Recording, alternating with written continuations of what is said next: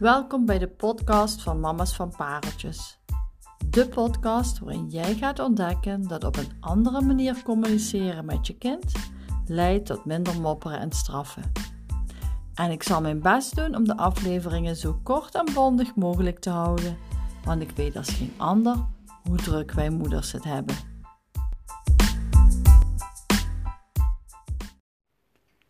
Goedemorgen bij een nieuwe podcast van Mama's van Pareltjes. Ik uh, ga weer spontaan delen waar ik vanmorgen tegenaan liep. En ehm, het had vooral heel veel te maken met mijn eigen grenzen. Ik weet niet of je ze herkent, maar er zijn van die momenten dat je, dat je gewoon twijfelt. Jij wil iets, je kind wil iets en dat zit dan niet op één lijn. Herkenbaar? Nou, dat had ik dus ook. En ehm, mijn dochter wou dat ik iets deed, omdat zij iets eng vond en ze wou dat ik daarbij was. En ehm, ik had zoiets van, nou nee, ik vind dat, dat je dit zelf moet kunnen. En er zijn gewoon momenten dat je kind iets eng vindt en ja, dat ze toch soms in het diepe moeten springen. Ik, ik heb haar ook het voorbeeld gegeven. Toen jij de eerste keer onder water moest zwemmen, vond je dat ook eng. Maar hoe vaker je het doet, hoe makkelijker het wordt. En er zijn nou eenmaal dingen in het leven, ja, die zijn gewoon eng. En, en dan moet je gewoon even recht staan, borst vooruit, neus omhoog en het ondergaan. Daar leer je van. En ik merkte dat ik dat eigenlijk best moeilijk vond om op dat moment te zeggen: nee, ik doe niet wat je van mij vraagt. Want ja, het is zo dubbel. Je wil als moeder zijnde er continu zijn voor je kind en je kind steunen en klaarstaan. Maar er zijn ook dingen die. Ik heb natuurlijk ook mijn grenzen. Maar er zijn ook dingen, daar moet ik dan toch wat strenger in mijn grenzen blijven staan, omdat het juist goed is voor mijn kind.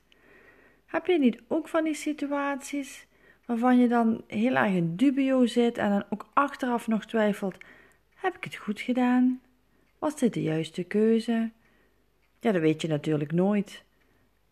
Maar ik, ik heb dan altijd zoiets van: als jij heel duidelijk voelt wat jouw grens is, en uh, jij heel duidelijk weet: hier wil ik gewoon naar luisteren, dat dat dan achteraf ook heel vaak het goede is, omdat je bij je gevoel bent gebleven.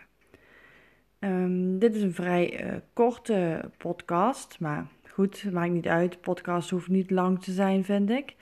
Maar wat ik daarmee aan wil geven met deze podcast en ik, wat ik vooral uh, hier uh, thuis heb meegemaakt en hoe ik daarin gehandeld heb, um, wil ik jou eens na laten denken over het feit: weet jij heel goed wat jouw grenzen zijn?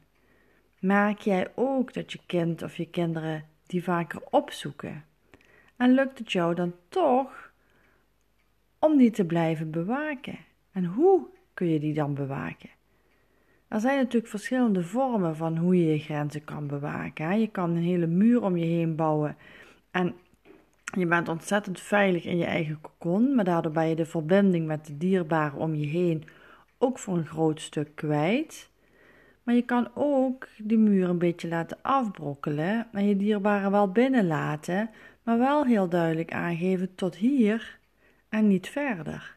En dat is vaak voor veel moeders een, een moeilijk punt. Zeker naar kinderen toe, maar ook vaker wel naar je, naar je partner toe.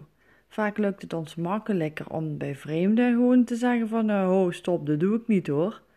Dan bij de mensen die je dierbaar zijn.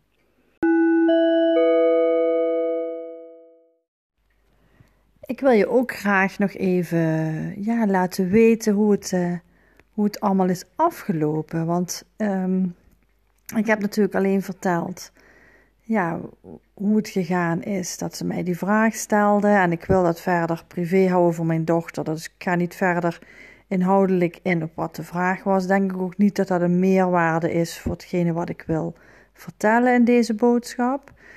Maar wat ik vooral uh, nog wil uh, toevoegen is dat ik, uh, toen ze naar me toe kwam, mijn dochter, toen zag je dus een, een, een, een meisje staan met tranen in de ogen.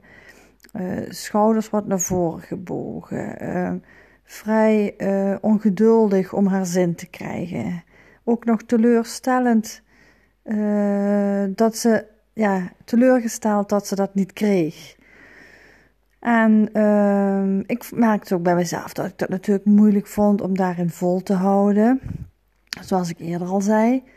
Maar uh, uiteindelijk, nadat dus datgene waar ik het uh, over had voorbij was, en ik had dus gewoon tegen haar gezegd: ga het maar doen. Daar leer je alleen maar van. En uh, toen ze dus daarna terugkwam, toen zag je gewoon een heel ander meisje binnenkomen. Eentje die rechtop stond, bijna een beetje overdreven gezegd, neus omhoog, maar geen tranen in de ogen. Je zag duidelijk dat ze, dat ze trots was op zichzelf. En ik vroeg dus ook aan haar, hoe ging het nou? Ja, het ging goed. Ah, wat fijn. Dus het is achteraf eigenlijk allemaal wel meegevallen. Ja, inderdaad. Nou, goed, hè? wat heb je hier dan van geleerd? Dat, ja, dat dingen soms eng zijn en dat je ze dan toch ja, mag doen. En dat je dan wat meer mag vertrouwen op jezelf. Dus ik, uh, ja, het gaf mij in ieder geval een bevestiging zo van, zie je wel, maar goed dat ik gewoon bij mijn gevoel ben gebleven, mijn grens heb aangegeven. En ik, zoals ik ook gedacht had, haar hierbij geholpen heb. En dat klinkt, uh, dat was op dat moment heel raar dat ik dat, dat ik dat dacht, maar het heeft zich wel zo uitgewerkt. Dus um, mijn boodschap in dit verhaal is eigenlijk: op het moment dat jouw kind iets anders wil dan dat jij wil, en je voelt gewoon aan alles in je hele lichaam: ik moet hier niet in meegaan. Ten eerste omdat ik over mijn grens heen ga, maar ten tweede omdat het ook niet goed is voor mijn kind. Hè? Alle veiligheid uh, vooropgesteld. Uh, hou je daar dan aan? Um, ik weet zeker dat het dan ook zijn vruchten zal afwerpen. Afwerpen? Hm, is, dat, is dat het juiste woord? Nou ja, goed, je weet wat ik bedoel. Um, dus blijf bij je eigen intuïtie, blijf bij je eigen gevoel en kijk daarna of het, of het veilig is wat je, wat je van je kind verwacht. En ga ervan uit dat je kind er altijd uh, datgene uit zal halen wat jij hoopt. Dus um, ik wens je nou weer een, eh, een, fijne, een fijne dag of avond, ligt eraan wanneer je het luistert. En uh, hopelijk tot een volgende keer.